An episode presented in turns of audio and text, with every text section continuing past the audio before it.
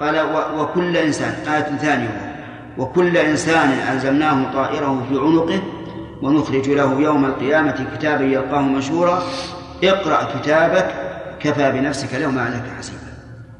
قال بعض السلف والله لقد أنصافك من جعلك حسيبا على نفسك.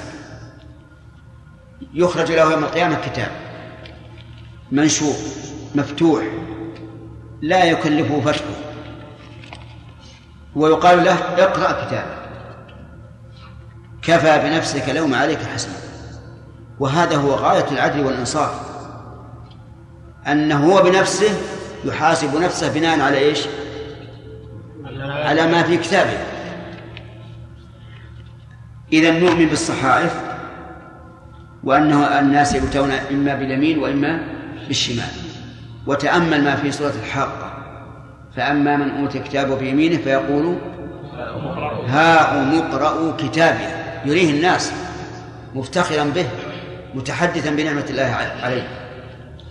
وأما من أوتي كتابه بشماله فيقول يا ليتني لم أوت كتابي. يتمنى أنه هو لم يطلع عليه.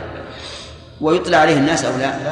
لا. لا يطلع عليه الناس لأنه خزي وعار والعياذ بالله. قال ونؤمن بالموازين توضع يوم القيامة. فلا تظلم نفس شيئا. بالموازين جمع ميزان. والموازين ذكرت في الكتاب والسنة مرة بالجمع ومرة بالإفراد. فقال الله تعالى ونضع الموازين القسط ليوم القيامة. وقال النبي صلى الله عليه وسلم كلمتان حبيبتان إلى الرحمن خفيفتان على اللسان ثقيلتان في الميزان. والجمع بينهما يسير جدا وهو أن الموازين جمعت إما لكثرة ما يوزن بها وإما لكثرة الأعمال لكثرتها باعتبار الأشخاص كل إنسان له ميزان وإما باعتبار الأمم وأما الإفراد فهو مفرد يراد به العموم لأنه للجنس. ثم ما الذي يوزن؟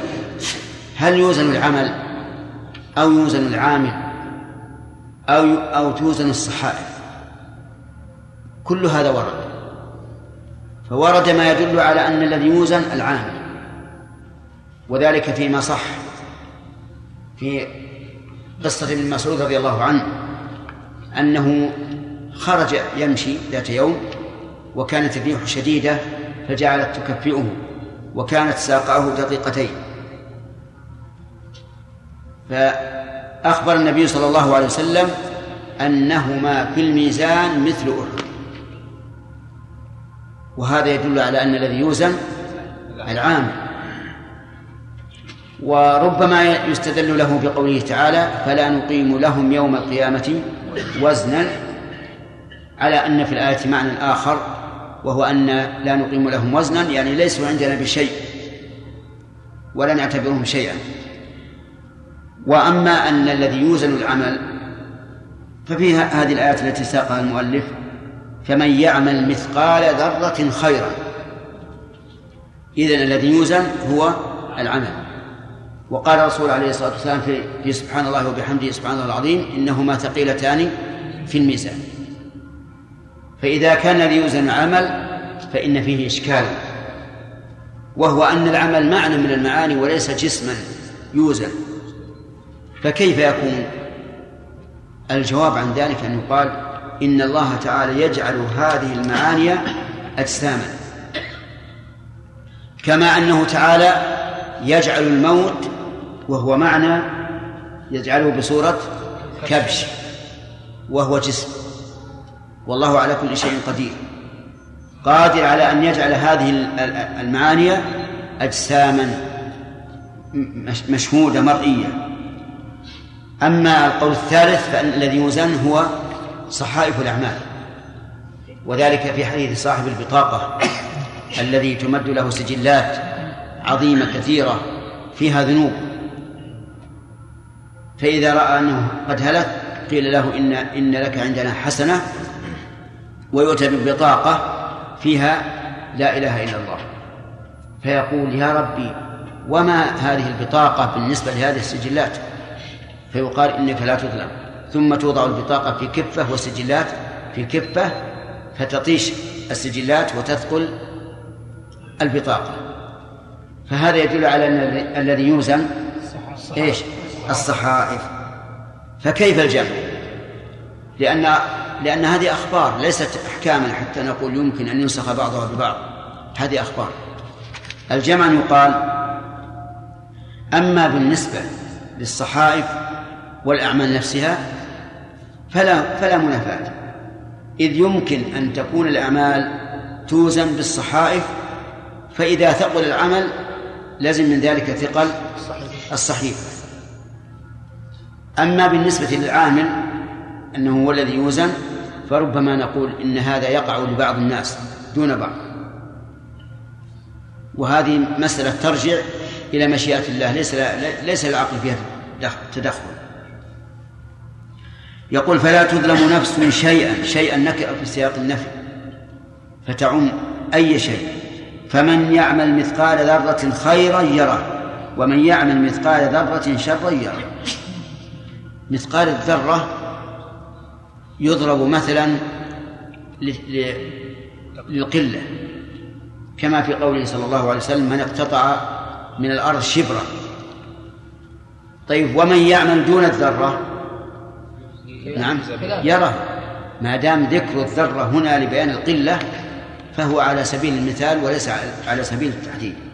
وقال تعالى فمن ثقلت موازينه فأولئك هم المفلحون ومن خفت موازينه فأولئك الذين خسروا أنفسهم في جهنم خالدون.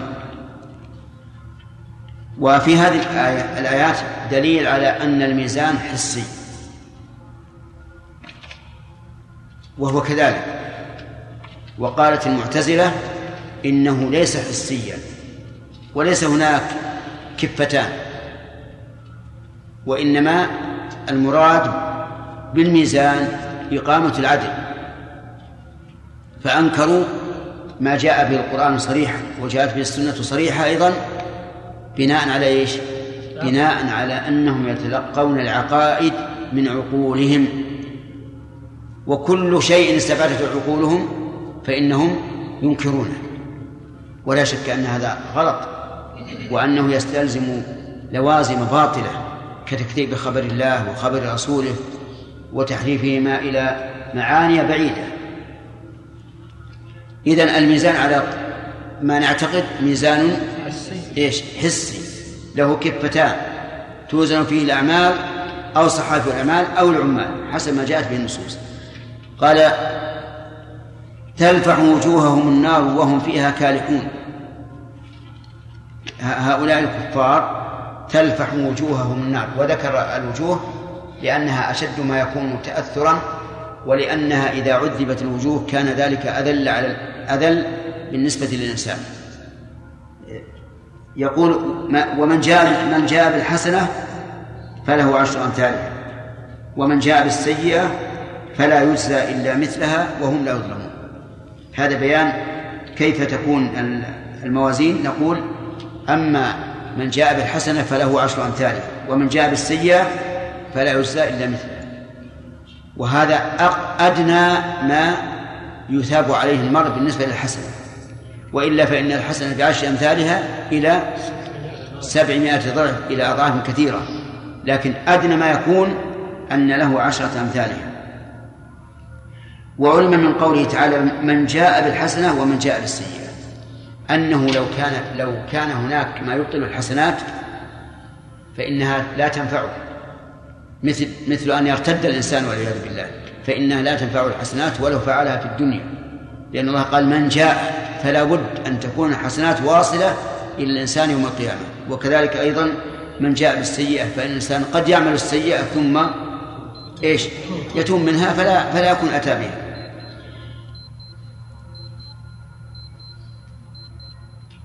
نقف على هذا. انتهى الوقت.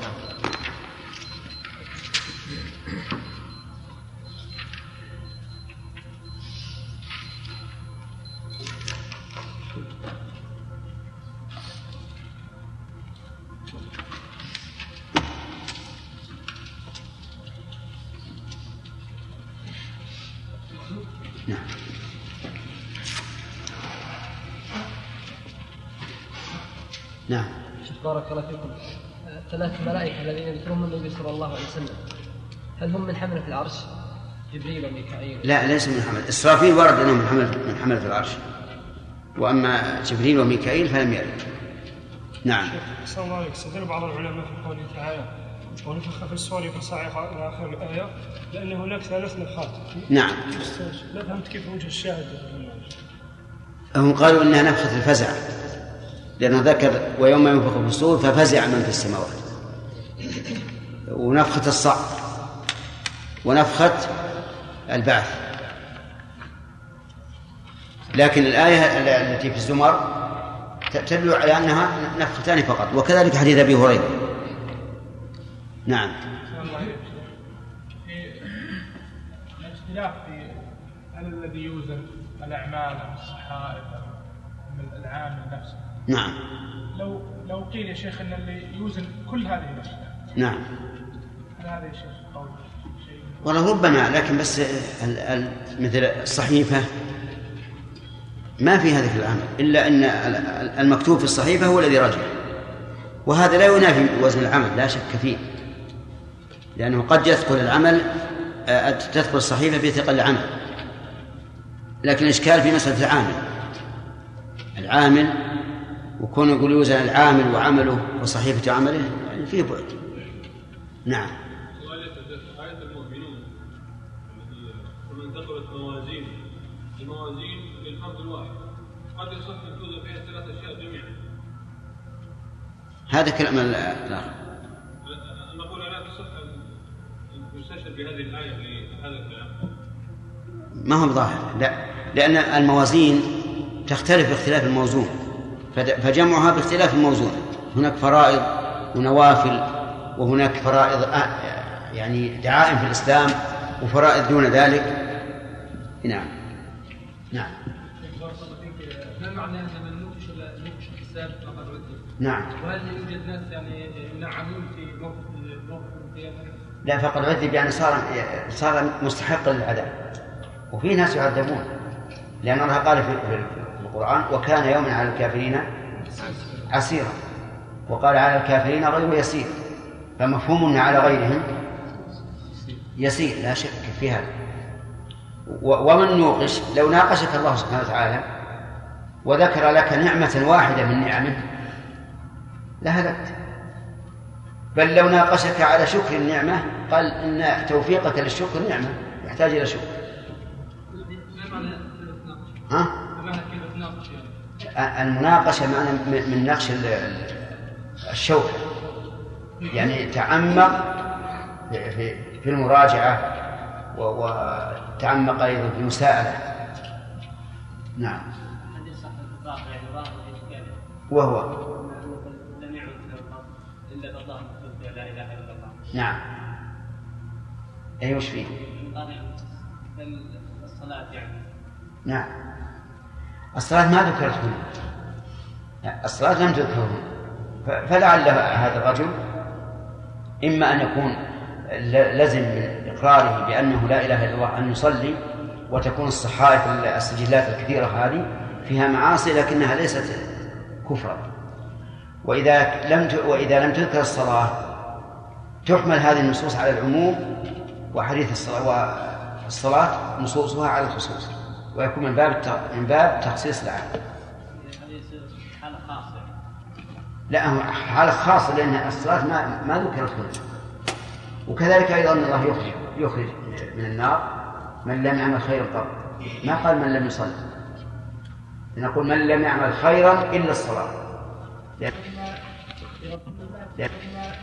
لرسول الله صلى الله عليه وآله وسلم خاصة عند الله تعالى بأمره ليقضي ليقضي بين عباده ثم يصيب من الهم والكرب ما لا يطيقون يذهبون إلى آدم ثم نوح ثم إبراهيم ثم موسى ثم عيسى حتى تنتهي إلى رسول الله صلى الله عليه وآله وسلم.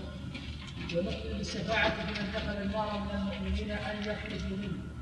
وللنبي صلى الله عليه وآله وسلم وغيره من النبيين والمؤمنين والملائكة. وبأن الله تعالى يخرج من النار أقواما من المؤمنين بغير شفاعة بل بفضله ورحمته. بسم الله الرحمن الرحيم. قال المؤلف ونؤمن بالشفاعة العظمى. كلمة نؤمن ونقول يعني معشر أهل السنة والجماعة.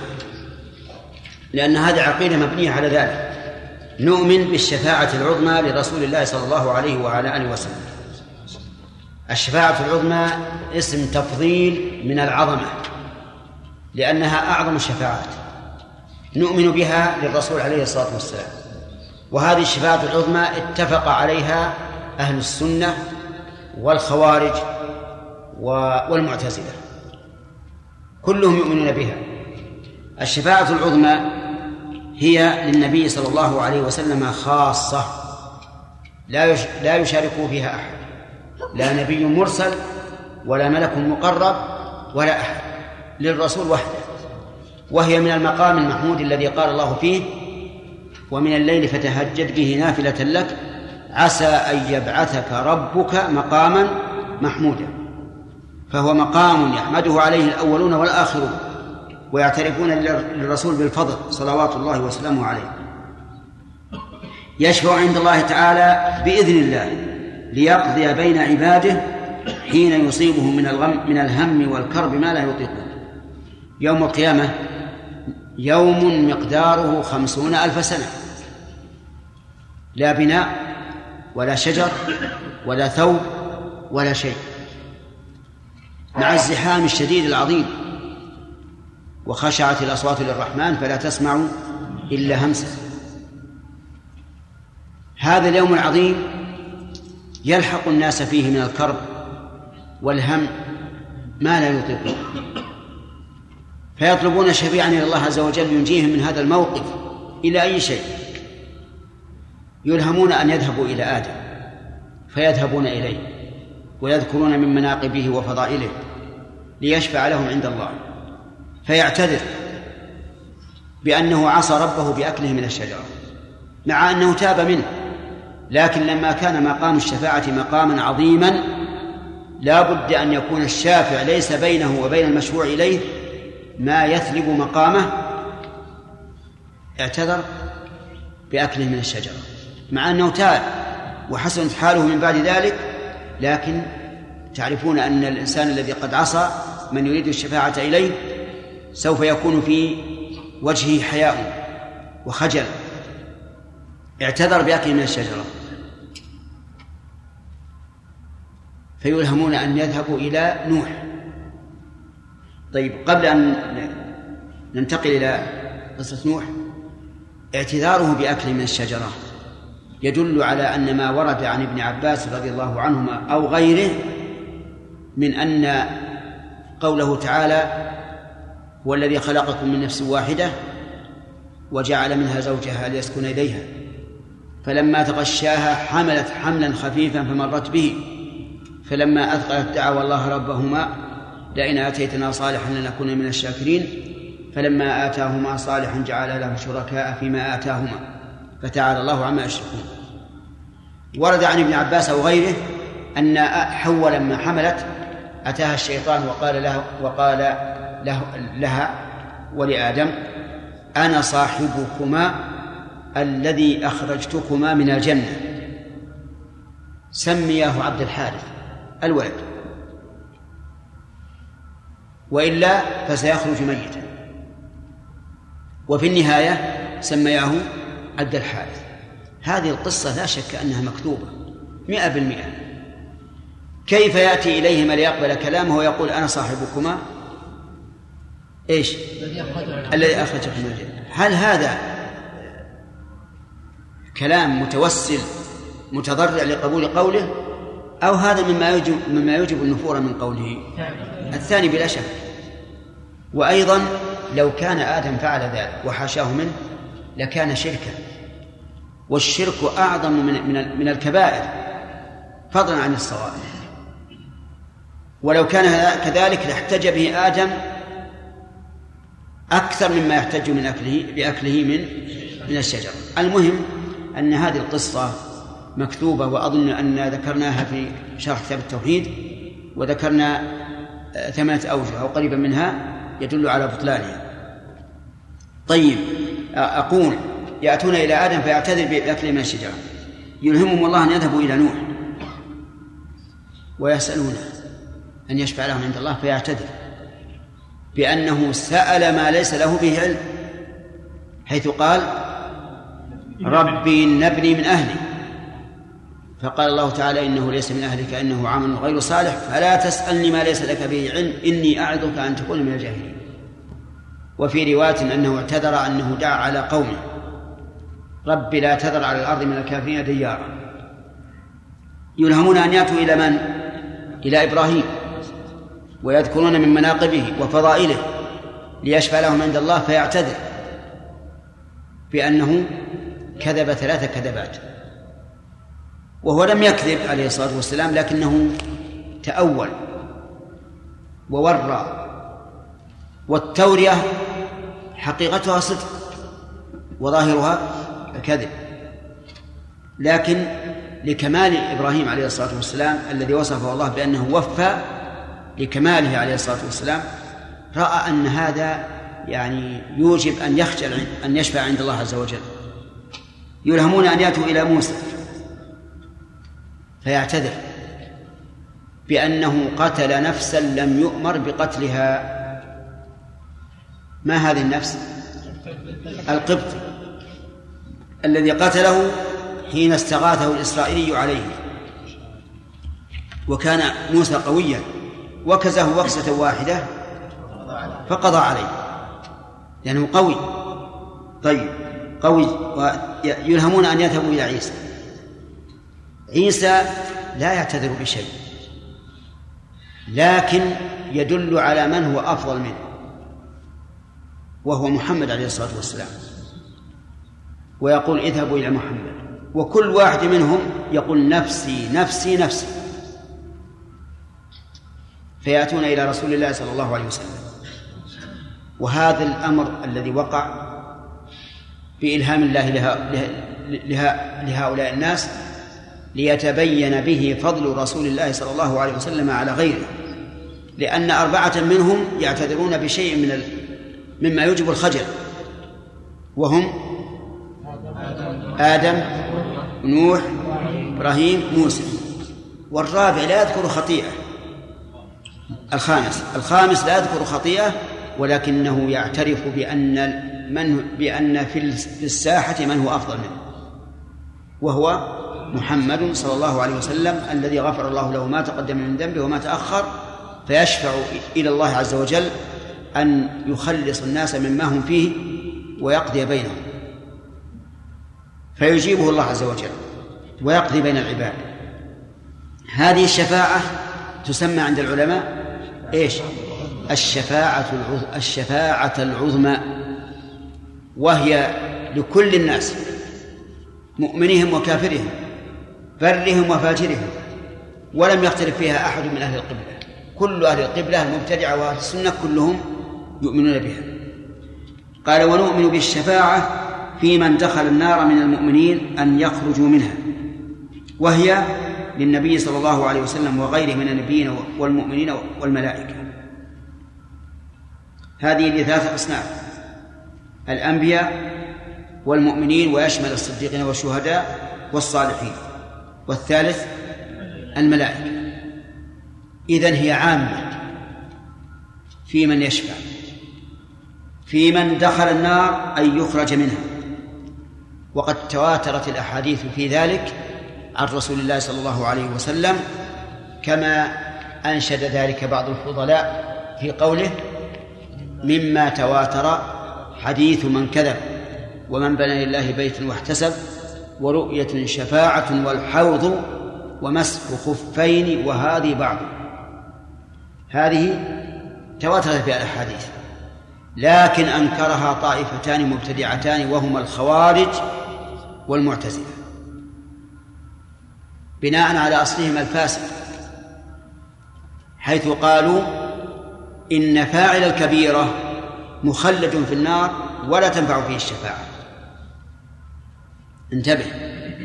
مع أنهم هم من أهل القبلة ينتسبون للإسلام لكنهم أنكروا هذه الشفاعة بناء على أصلهم الفاسد وهو أن فاعل الكبيرة مخلد في النار. وإذا كان مخلدا في النار فالمخلد في النار لا تنفع فيه الشفاعة.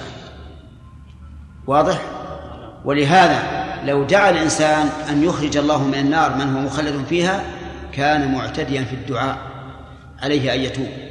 لو قال اللهم أخرج أبا لهب من النار اللهم أخرج أبا طالب من النار قلنا أنت الآن آثم. عليك أن تتوب وتستغفر الله. لأن الله تعالى حكم عليهم بالخلود. طيب. هذا قسم عام. للرسل وغير الرسل. ثم قال وبأن الله يعني ونؤمن بأن الله يخرج من النار أقواما من المؤمنين بغير شفاعة بل بفضله ورحمته. أقسام الشفاعة لا نتعرض له الآن لأنه لم يذكر في الأصل لكنه معروف في الكتب المطولة. إذا نؤمن بإيش؟ بالشفاعة العظمى للرسول عليه الصلاة والسلام وهي خاصة به وبالشفاعة الصغرى له ولغيره وهي الشفاعة في من دخل النار أن أن يخرج منها. طيب. فإذا قال قائل ما تعريف الشفاعة؟ قلنا هي التوسط للغير. التوسط للغير بجلب منفعة أو دفع مضرة. هذه الشفاعة. التوسط للغير بإيش يعني؟ أي نعم. إيش؟ بجلب منفعة أو دفع مضرة. طيب. آه نأخذ مثال. الشفاعة لأهل الجنة أن يدخلوا الجنة. جلب منفعة والشفاعة في من دخل النار أن يخرج منها؟ دفع مضرة. طيب. قال ونؤمن بحوض رسول الله صلى الله عليه وسلم. ماؤه أشد بياضا من اللبن وأحلى من العسل وأطيب من رائحة المسك. طوله شهر وعرضه شهر وآنيته كنجوم السماء حسنا وكثرة ويرده المؤمنون من أمته من شرب منه لم يظمأ بعد ذلك يعني أبدا. الحوض المورود للرسول عليه الصلاة والسلام موجود الآن موجود الآن لأن النبي صلى الله عليه وسلم خطب الناس وأخبر أنه يرى حوضه وأن منبره على حوضه فهو موجود. لكنه من عالم الغيب. وعالم الغيب لا يمكن أن يكون شهادة كما أن الملائكة موجودون ومع ذلك لا لا نشاهده ولا نراه فالحوض موجود لكن يكون منظورا ومحسوسا وملموسا إذا كان يوم القيامة. ماؤه أشد بياضا من اللبن. أشد بياض من اللبن. هل هناك شيء أشد بياض من اللبن؟ نعم فيما نرى لا. لكن في يوم القيامة ماء النبي ماء حوض الرسول عليه الصلاة والسلام أشد بياضا من اللبن وهذا يدل على طيب منظره. وأحلى من العسل يدل على طيب مذاقه وطعمه. وأطيب من رائحة المسك يدل على على طيب رائحته. أما سعته فقال طوله شهر وعرضه شهر. طوله شهر وعرضه شهر. وهذا يدل على أنه كان مستديرا. لأنه لو كان غير مستدير لزادت زواياه على على شهر. إذ أن المربع لا بد أن يكون بين الزاوية ومقابلتها أكثر من مسطحه. وعلى هذا فيكون الحوض مستديرا. وهذا هو الغالب أن الحياض مستديرة حياض الإبل عندما تورد عليها تكون مستديرة. طوله شهر وعرضه شهر. بسير إيش؟ إذا قال الرسول عليه الصلاة والسلام طوله شهر وعرضه شهر وما أشبه ذلك فالمراد سير الإبل سير الإبل المحملة. في عهد الرسول عليه الصلاة والسلام ما في ساعات ولا سيارات ولا طائرات. فيحمل ما جاءت فيحمل ما جاء به التقدير على ما كان معروفا مألوفا. آنيته كنجوم السماء. حسنا وكثرة الأحاديث الواردة في ذلك منها ما لفظه آنيته كنجوم السماء. ومنها ما لفظه آنيته عدد نجوم السماء. فنأخذ بأي اللفظين بالأول كنجوم السماء ليشمل ذلك العدد والحسن. فآنيته مضيئة لامعة كثيرة لا تحصى كما أن نجوم السماء لا تحصى.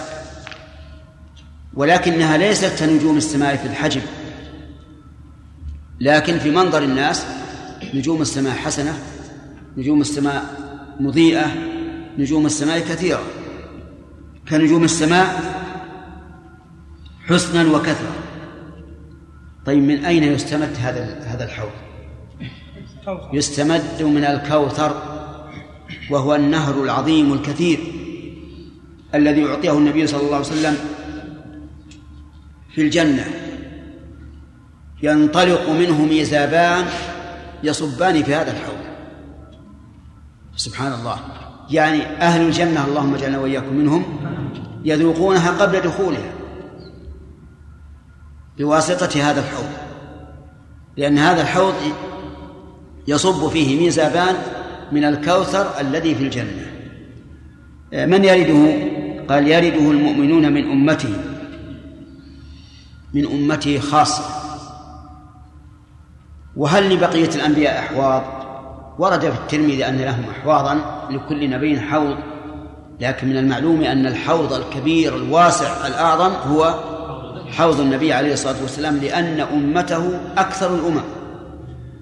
هم ثلثا أهل الجنة أي ثمانون في مئة وعشرين. فهم أكثر الناس. فحوضهم أعظم الحياض وأوسعه وأكبرها يرده المؤمنون من أمته. ووروده وسهولة ورودهم عليه. كسهولة ورودهم على شرعه انتبه. جزاء وفاقا. من كان وروده على سنة الرسول وشرعه سهلا وينقاد للشرع ويطبقه ما استطاع فسيكون وروده لهذا الحوض سهلا ميسرا. والعكس بالعكس. من شرب منه لم يظمأ بعد ذلك أبدا مع أن الناس يريدون عليه وهم عطاش. في أشد ما يكون من الضروري إليه فإذا شربوا منه فلا ظمأ لا في عرصات القيامة ومن المعلوم أيضا ولا في في الجنة. إذا نؤمن بهذا الحوض. السؤال هل هو حسي أو معنوي؟ حسي لا شك. له آنية؟ نعم. لمائه طعم وشم؟ نعم. طيب.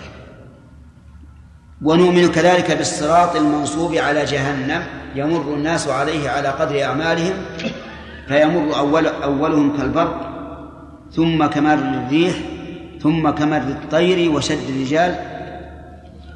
نعم. لا. الرجال. والنبي صلى الله عليه وسلم قائم على الصراط يقول يا رب سلم سلم. حتى تعجز أعمال العباد فيأتي من يزحف وفي حافة الصراط كلاليب معلقة مأمورة تأخذ من أمرت به. فمخدوش ناج ومكردس في النار. نسأل الله العافية. ها؟ كيف؟ مخدوش بالخاء. كيف؟ مأمورة تأخذ من أمرت به فمخدوش الناجي ها؟ ها؟ ومكردس. لا لا مكردس. مكردس في النار. مكردس. طيب يقول نؤمن بالصراط المنصوب على جهنم. يعني ينصب صراط على متن جهنم. يعني فوق ظهرها. وهذا الصراط اختلف العلماء فيه. هل هو صراط على ظاهره أي طريق يمر الناس به بدليل أن على حافتيه كلاليب وأنه كشوك السعدان كما قال الرسول عليه الصلاة والسلام وأنه دحض ومزلة؟ وكل هذا يدل على أنه يعني طريق حسي واضح. أو أنه أدق من الشعر وأحد من السيف وأن الناس يمرون عليه على على هذا الطريق الذي هو كالشعرة أدق من الشعرة في هذا خلاف بين علماء السنة. منهم من قال بالثاني ومنهم من قال بالأول. وليس هناك أدلة واضحة تفصل بين القولين. فمعتقد في ذلك أن نقول الله أعلم لكن نؤمن بهذا الصراط. يمر الناس فيه على قدر أعمالهم على قدر أعمالهم في الدنيا. المسارع في الخيرات يكون سريعا فيه والبطيء في الخيرات يكون بطيئا فيه. يقول في فيمر أولهم كالبرق وأسرع ما يكون ومضا هو البرق فيما نشاهد ثم كممر الريح كمر الريح أي مرورها. ولا شك أن الريح في ذلك الوقت آه، أسرع ما يكون تصورا. لكن في الوقت الحاضر وجد ما هو سلمان؟ ما هو أسرع؟ طيب ثم كمر الطير وشد الرجال يعني وأشد الرجال. والنبي صلى الله عليه وسلم قائم على الصراط يقول يا رب سلم سلم. صلوات الله وسلامه عليه. قائم عليه. هل هو في أسفل أو في أعلاه الله أعلم. المهم أنه قائم عليه يدعو الله يقول يا رب سلم يا رب سلم. مما يدل على عظمة الأمر. لأن الصراط دحر وزلة خطر عظيم. ما الذي ما الذي تحتك لو سقطت؟ النار نسأل الله أن يجيرنا وإياكم منها. ليس الأمر بالهين ولهذا خاتم الرسل وإمام المتقين وإمام الموقنين يقول يا رب سلم سلم. حتى تعجز أعمال العباد فيأتي من يزحف يزحف زحفا. ما لا يستطيع القيام على قدميه. لأن لأن عمله إيش؟ لا لا. لا يحمله على أن يقوم. وعلى حافة الصراط كلاليب معلقة مأمورة تأخذ من أمرت به.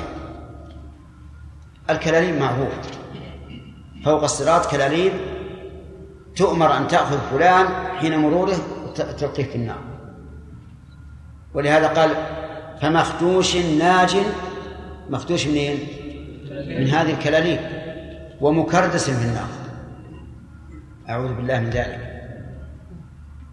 ثم المكردس في النار إنما هو من من عصاة المؤمنين.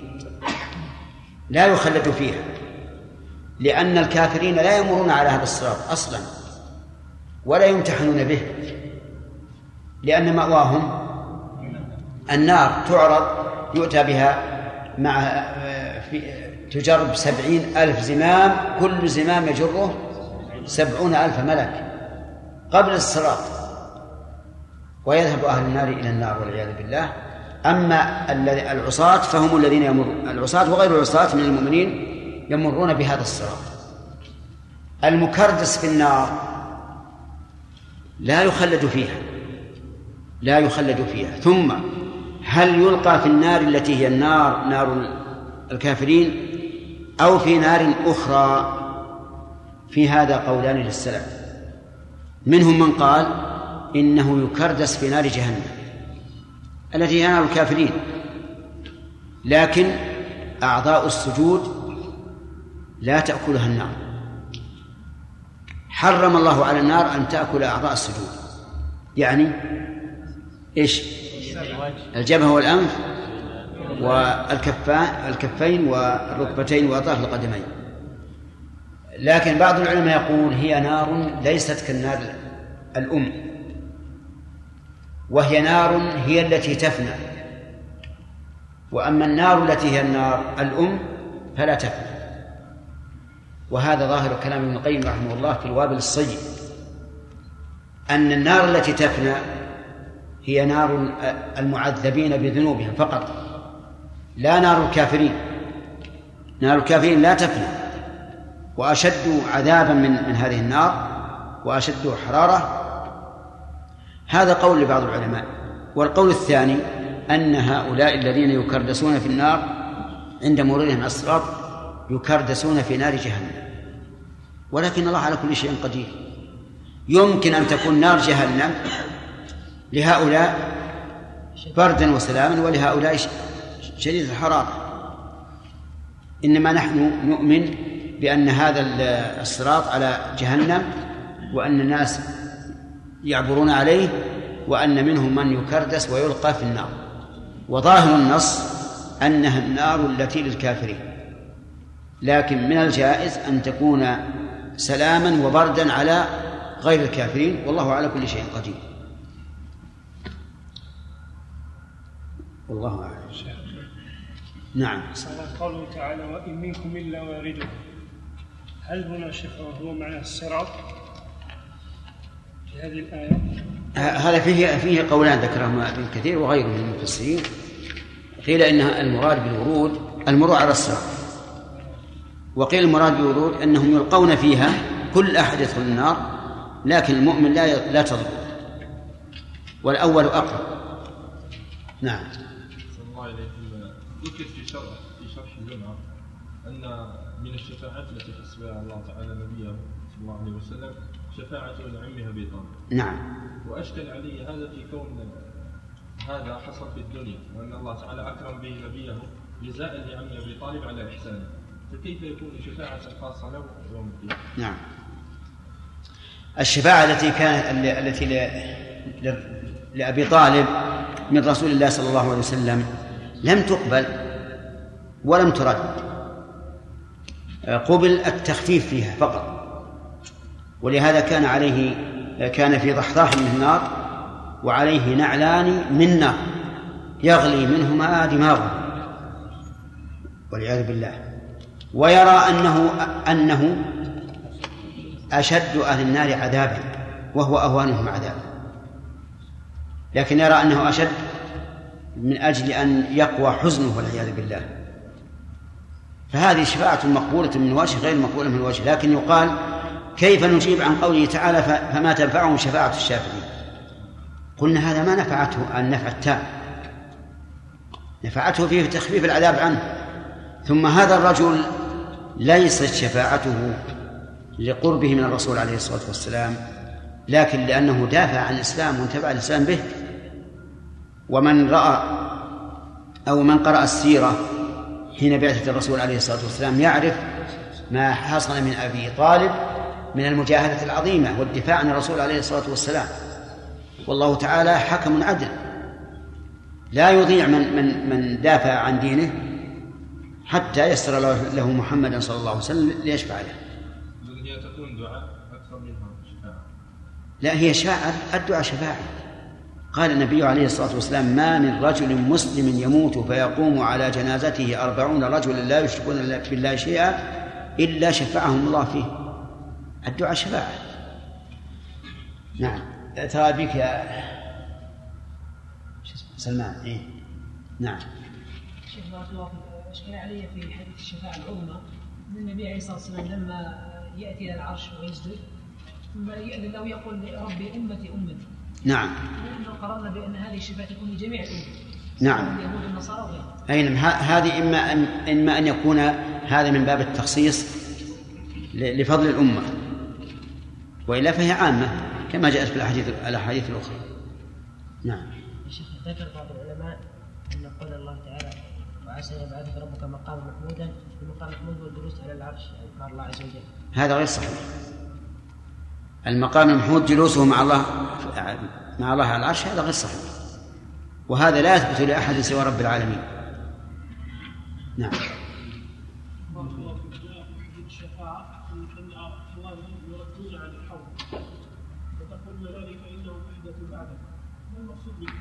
نعم. المراد بذلك أهل الردة. أهل الردة الذين ارتدوا من من في عهد النبي عليه الصلاة والسلام في عهد كانوا مسلمين في عهد الرسول عليه الصلاة والسلام ثم ارتدوا.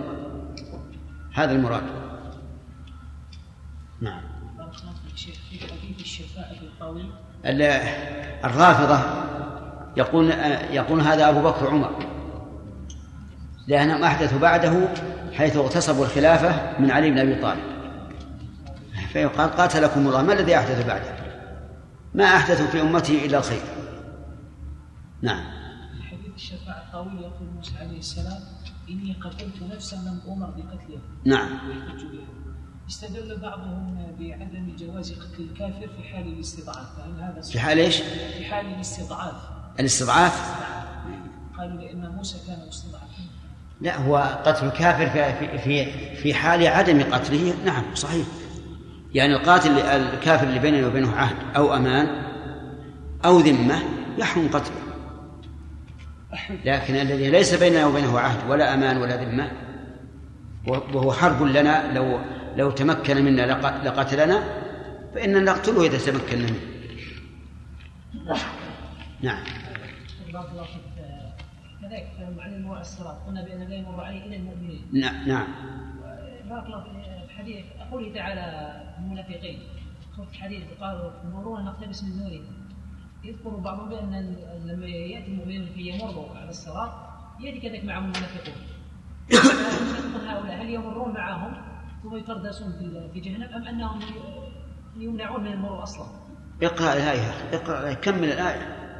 قالوا انظروا نقتبس من نوركم. ها. قال قيل ارجعوا وراءكم. ها. ها كمل انظروا بينهم بسور بينهم انظروا بينهم بسور له باب. هذا في عرصات القيامة. يوم ترى المؤمنين والمؤمنات يسعى نورهم بين بين أيديهم وبأيمانهم يقولون ربنا أتمم لنا نورنا واغفر لنا ربنا من تحتها والله آذاني اثنتين بس. وال آه، يوم ترى المؤمنين والمؤمنات يسعى نورهم بين أيديهم وبين أيمانهم بشراكم اليوم جنات تجري من تحتها الأنهار. ذلك إلى أن قال يوم يقول المنافقون. هذا في عرصات القيامة. ولهذا قال ضرب بينهم بسور والصراط ما فيها أسوار. نعم. شيخ الله يكرمك بالنسبة لاقسام الشفاعة آه، أن الرسول صلى الله عليه وسلم ورد من بعض الأقسام أنه يشفع المؤمنين في أدنى درجات الجنة إلى اعلاها فما الأدلة على هذا؟ أي نعم هذه ما ذكر في في الأصل. وفي أشياء أيضا ما ذكرت. ذكرنا أهم شيء الشفاعة العظمى والشفاعة التي أنكرها ق- المعتزلة والخوارج. ارفع درجته في المهديين في قصة أبي سلمة هذا الشفاعه شفاعة له في أن يرفع الله درجته. انتهى الوقت.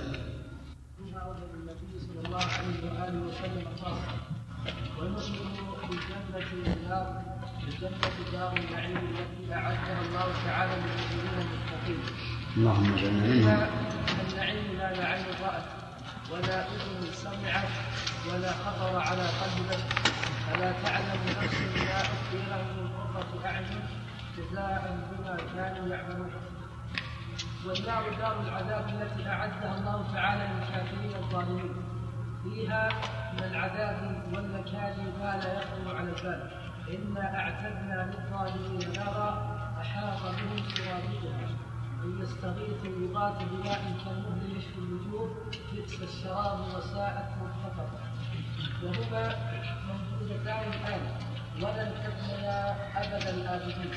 ومن يؤمن بالله ويعمل صالحا يدخله جنات تجري من تحتها الأنهار خالدين فيها أبدا. قد أحسن الله له رزقا إن الله لعن الكافرين وأعد لهم سعيرا خالدين فيها أبدا. لا يجدون وليا ولا نصيرا. يوم تقلب وجوههم في النار. يقولون يا ليتنا أطعنا الله وأطعنا الرسول. بسم الله الرحمن الرحيم. آه، مما يؤمن به أهل السنة والجماعة الشفاعة وسبق الكلام على بعضها وبينا أن من الشفاعة ما ينكره أهل البدع وهي الشفاعة في من دخل النار أن يخرج منها. أنكر هذا؟ المعتزلة والخوارج. لأن كلتا الطائفتين تقول إن فاعل الكبيرة مخلد في النار لا تنفع فيه الشفاعة. وسبق الرد عليهم وبيان أن أن أحاديث الشفاعة ثابتة بإيش؟ بالتواتر والحمد لله. وقال ونؤمن بشفاعة النبي صلى الله عليه وسلم لأهل الجنة أن يدخلوها وهي للنبي صلى الله عليه وسلم خاصة. نعم. كيف؟ قبله ونؤمن بكل ما جاء في الكتاب والسنة من أخبار ذلك اليوم وأهواله أعاننا الله عليها.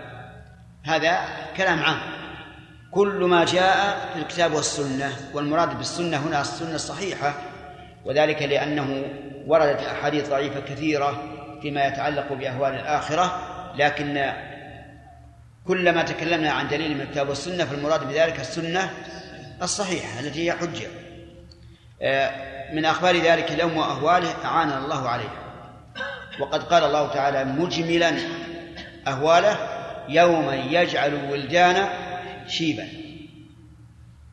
نؤمن بشفاعة النبي صلى الله عليه وسلم لأهل الجنة أن يدخلوها وهي للنبي صلى الله عليه وسلم خاصة.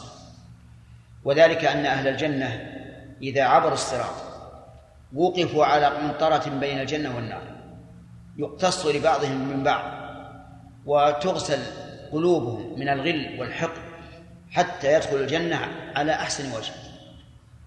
وإذا جاءوا إلى أبواب الجنة لم يجدوها مفتوحة. أهل النار حتى إذا جاءوها فتحت أبوابها على طول. إهانة لهم ومبادرة بالعقوبة عليهم. أهل الجنة لا يدخلوها على إشفاق يدخلونها على إشفاق. إذا جاءوها وجدوها مغلقة. فيحتاجون إلى شفاعة. من يشفع؟ الرسول عليه الصلاة والسلام.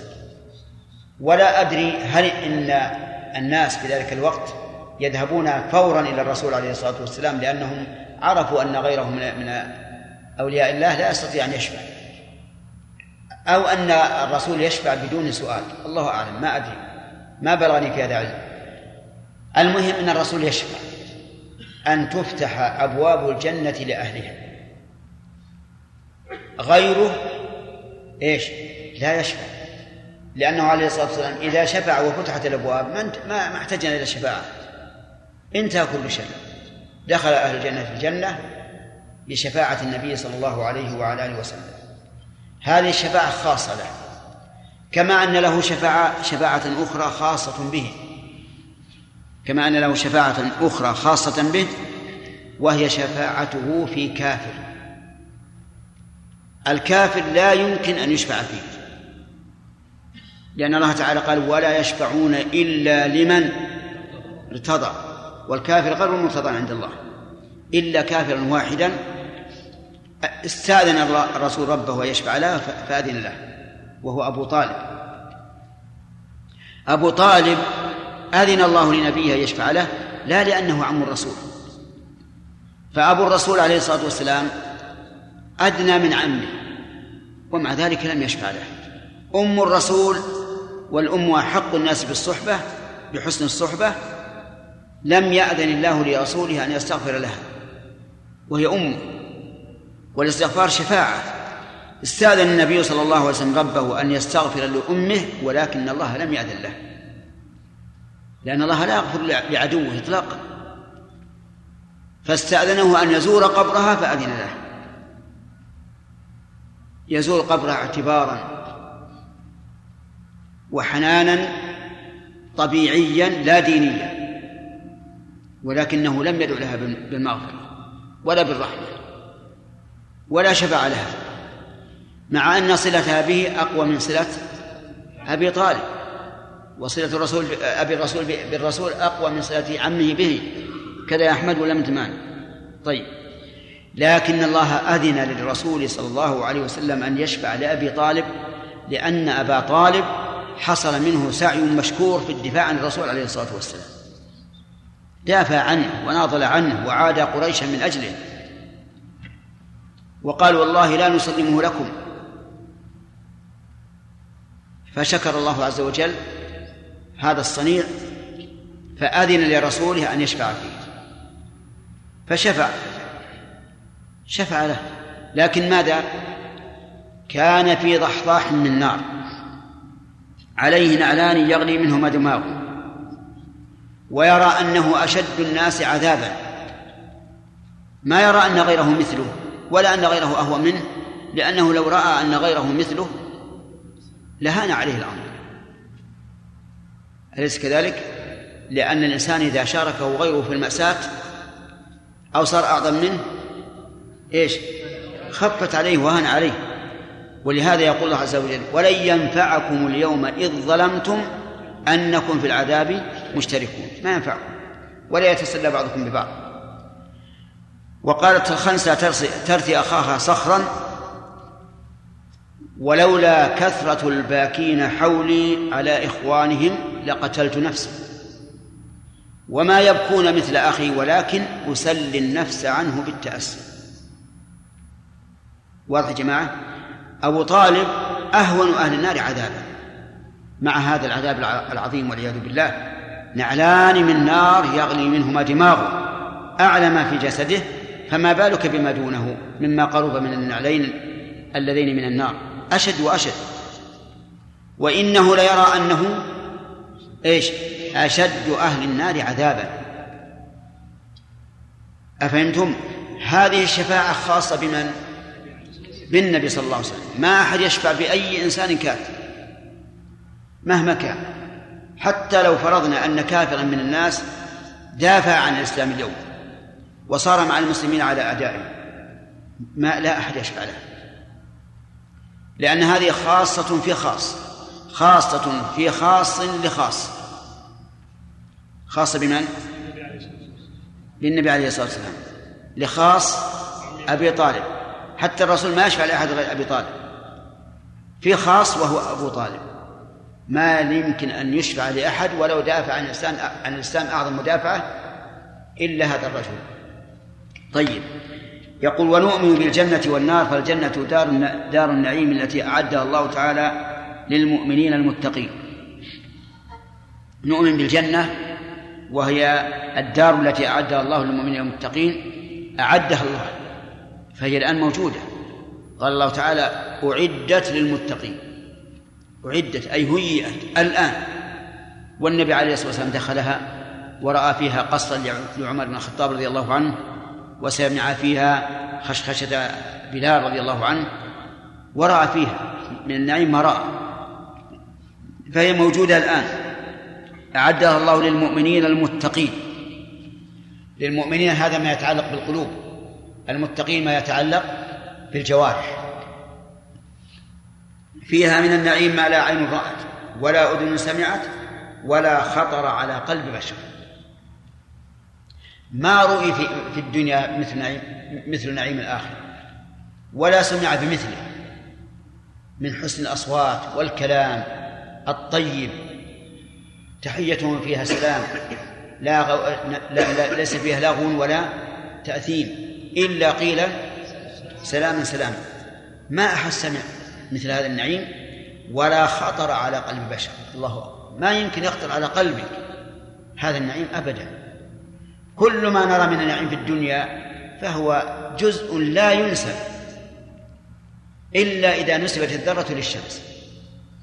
لا ينسب بالنسبة لإيش؟ لنعيم الآخرة. لا يمكن أن ينسب إليه لقول الله تعالى فلا تعلم نفس نفس النكرة في سياق النفي. أي نفس؟ لا تعلم ما أخفي لهم من قرة أعين أقر الله أعيننا وأعينكم بذلك. لا يمكن أبدا. أن تعلم نفس ما أخفي لهم من قرة أعين جزاء بما كانوا يعملون. جزاء عظيم في عمل يسير. وفي الحديث القدسي أعددت لعباد الصالحين ما لا عين رأت ولا أذن سمعت ولا خطر على قلب بشر. هذه هي النار هذه هي الجنة. ولا ينبغي أن نقول الجنة هي البستان الكثير الأشجار الذي تغطى أرضه بالزروع وهواؤه بأغصان الأشجار هذا لا ينبغي أن نقوله لأنك لو قلته ها؟ لهانت هان النعيم. هذا بس هذه الجنة. أطلع البستان فلان ما شاء الله فيه كله كل شيء. هذا غلط حتى لو فرض أن الجنة في اللغة العربية هكذا معناها لكن جنة الآخرة ليست كذلك. أعظم وأعظم بكثير. وإذا شئتم البسط فارجعوا إلى ما ألف في هذا. وأما النار فهي دار العذاب التي أعدها الله تعالى للكافرين الظالمين. يقول النبي عليه الصلاة والسلام إنها فضلت على نار الدنيا كلها بتسع وستين جزءا تسعة وستين جزءا. أضف إليها تمام السبعين. ترى نار الدنيا كلها ما هي نار الحطب أو نار الغاز أو نار الغاز؟ كل نار الدنيا على أعظم ما فيها هذه فضلت عليها 69 جزء. من يتصور هذه النار؟ نسأل الله العافية. نعم. يقول فيها من العذاب والنكال ما لا يخطر على البال. قال الله تعالى كلما نضجت جلودهم بدلناهم جلودا غيرها ليذوقوا العذاب. إذا نضجت وصارت لا تحس بالنار بدلت بجلود أخرى جديدة. في الحال ليذوقوا العذاب. كلما أرادوا أن يخرجوا منها وأقبلوا على شاطئ السلامة أعيدوا فيها. وصار هذا أعظم في العذاب أو لا؟ كيف أعظم يا جماعة؟ لأنهم لو بقوا مستقرين أيسوا وانتهى الأمر. لكن إذا أعلوا حتى يقول خرجنا خرجنا ثم أعيدوا وأركسوا فيها صار هذا أعظم والعياذ بالله. أعظم. وهكذا أبد الآبدين واستمع لها إلى إلى القرآن الكريم في آية في بعض المواضع. إنا أعتدنا للظالمين نارا. أي الظلمات؟ ظلمة الكفر. لقول الله تعالى والكافرون هم هم الظالمون. لا مطلق الظلم. إنا أعتدنا للظالمين نارا أحاط بهم سرادقها. السرادق هو عبارة عن ما يكون عند مدخل الباب. يعني معناه أن العذاب محيط بهم من كل جانب. لهم من فوقهم من ظلل من النار ومن تحتهم ظلل. ذلك يخوف الله به عباده. يا عبادي فاتقون يقول وإن يستغيثوا إن يستغيثوا. ولا بد أن يستغيثوا لأنهم يجدون من من, من يجدون من العطش ما لا يخطر على البال. وإذا استغاثوا يغاثوا بماء كالمهل يشوي الوجوه. المهل جرادي الزيت الذي يكون فوقه من أوساخه يعني أنه كريه المنظر وكريه الرائحة.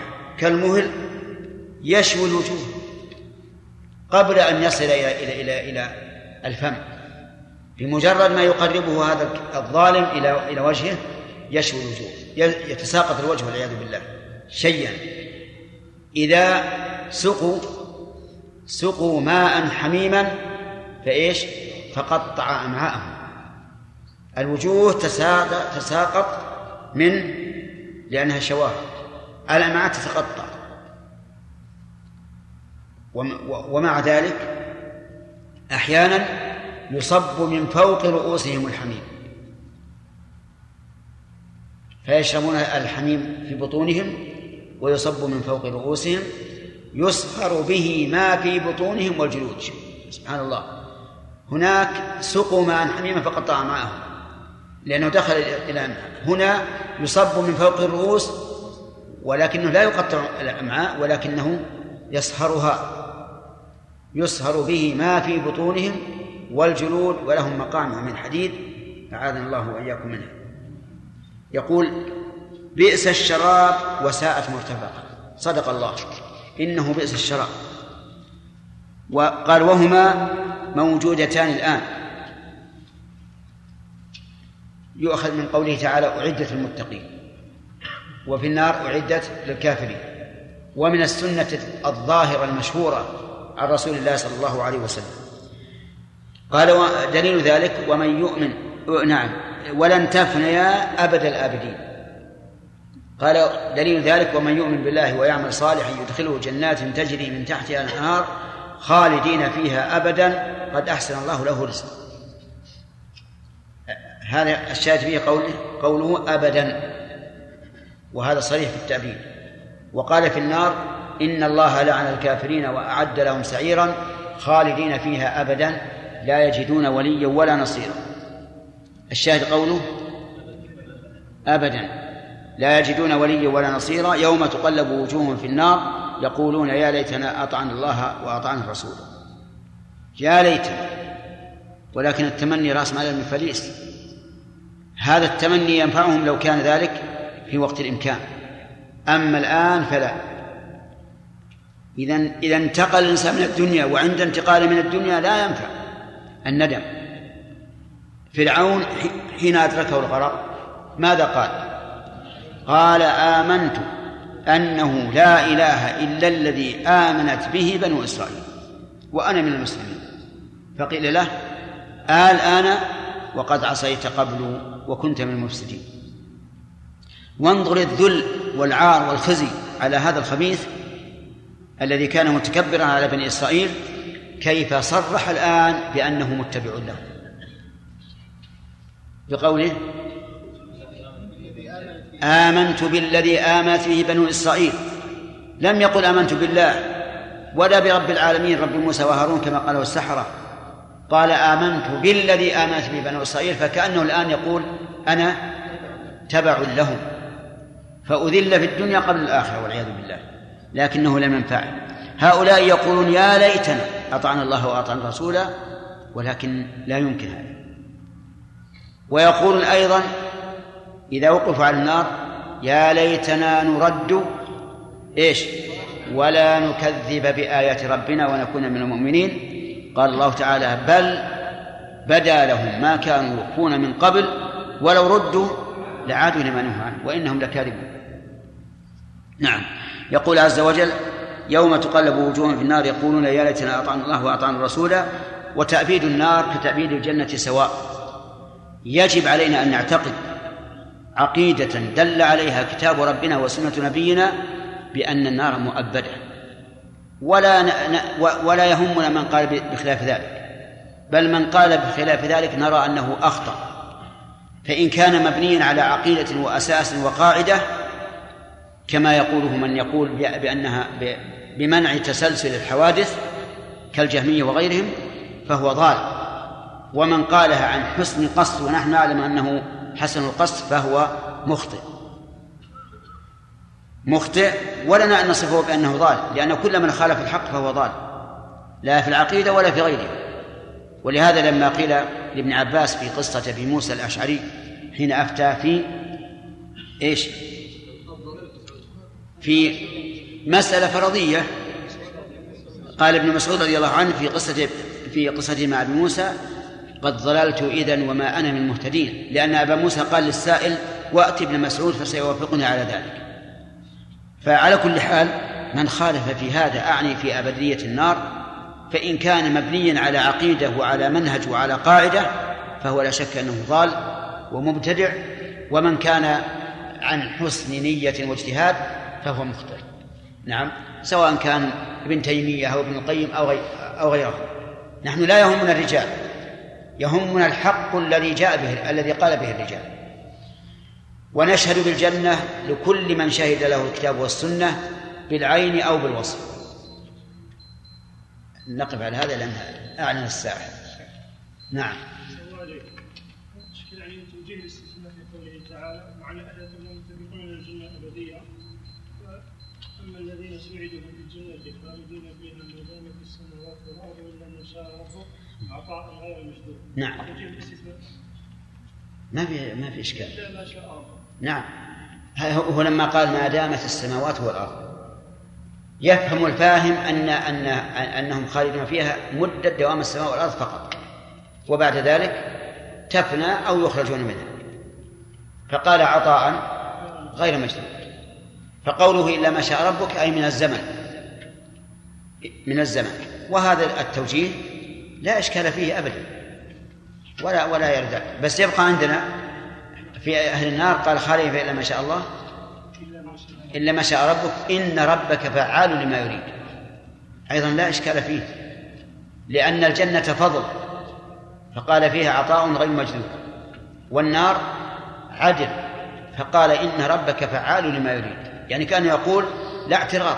لأن الله يفعل ما يريد. نعم.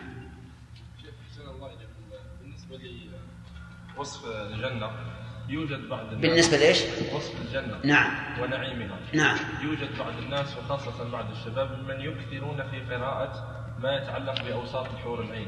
نعم. خاصة ما ذكره الإمام القيم في نونيته والدقائق مما قد يثير شهوتهم. ولكن مع ذلك إذا نصحوا يقولون نحن نتصبر بهذا. فهل هذا له وجه أم أنهم ينصحون بالابتعاد عن هذا حتى والله يا أخي ما أرى هذا. لماذا أيضا لا يذكرون النار وعيدا؟ الناس الآن هم إلى ذكر الوعيد أحوج منهم إلى ذكر الوعد الآن. لماذا؟ لأن غالب الناس قد فتنته الدنيا فيحتاج إلى كابح الناس ليسوا مقبلين الآن حتى نذكر لهم الأشياء التي تحثهم على التقدم. الناس الآن مدبرين إلا ما شاء الله. فلهذا نرى أن الإنسان إذا أراد أن يرجح أحد الجانبين على الآخر الترغيب والترهيب نرى في الوقت الحاضر أن نقدم إيش؟ الترهيب. على أني أنا لا أوافق على هذا لكن أقول إذا كان ولا بد.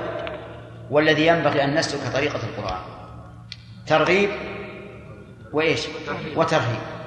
أما ذكر ما, أما ما ذكر ابن القيم رحمه الله في وصف, في وصف العين وتشبيه ما, ما شبه وقال وإذا انحدرت رأيت أمرا هائلا هذه ما يعني ما ينبغي أن تقال عند خصوصا عند الشباب. إيه؟ نعم. شيخ بارك الله فيكم. بعض أهل العلم ما رايكم في في قول بعض أهل العلم أن قوله تعالى إلا ما شاء ربك أي مده دوامهم قبل دخولها ما هو بظاهر.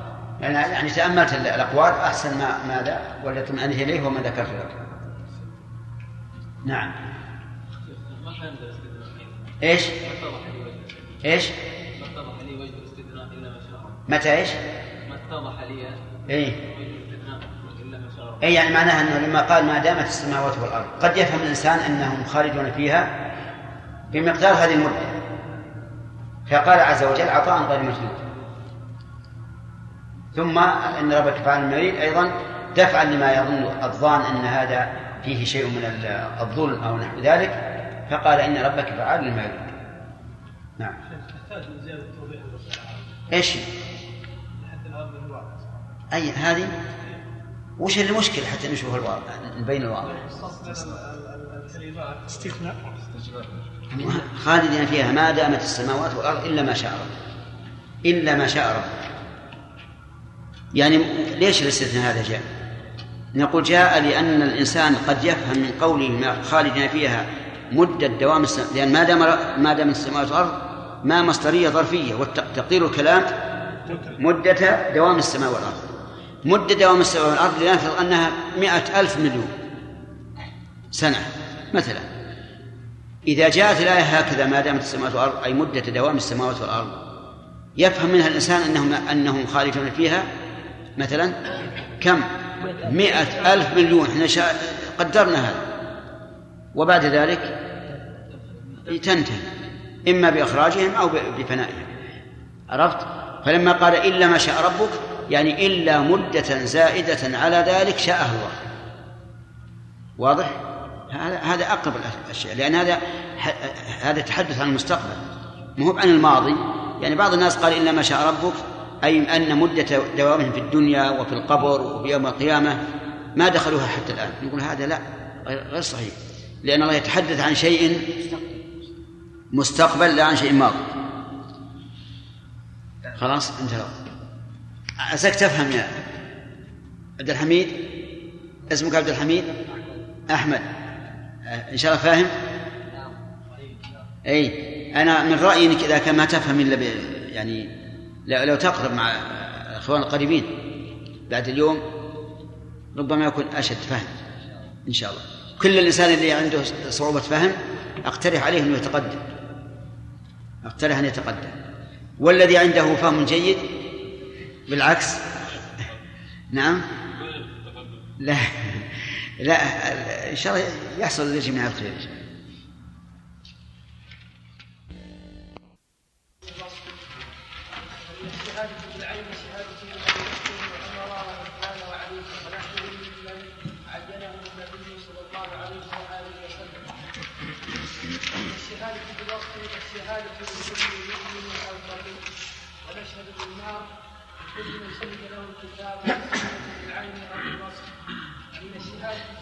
في لأبي لهب أبي لهب وعمرو بن لحي الخزاعي ونحوه من الشهادة بنصب الشهادة لكل كافر أو مشرك شركا أكبر أو منافق ونؤمن بفكرة القبر.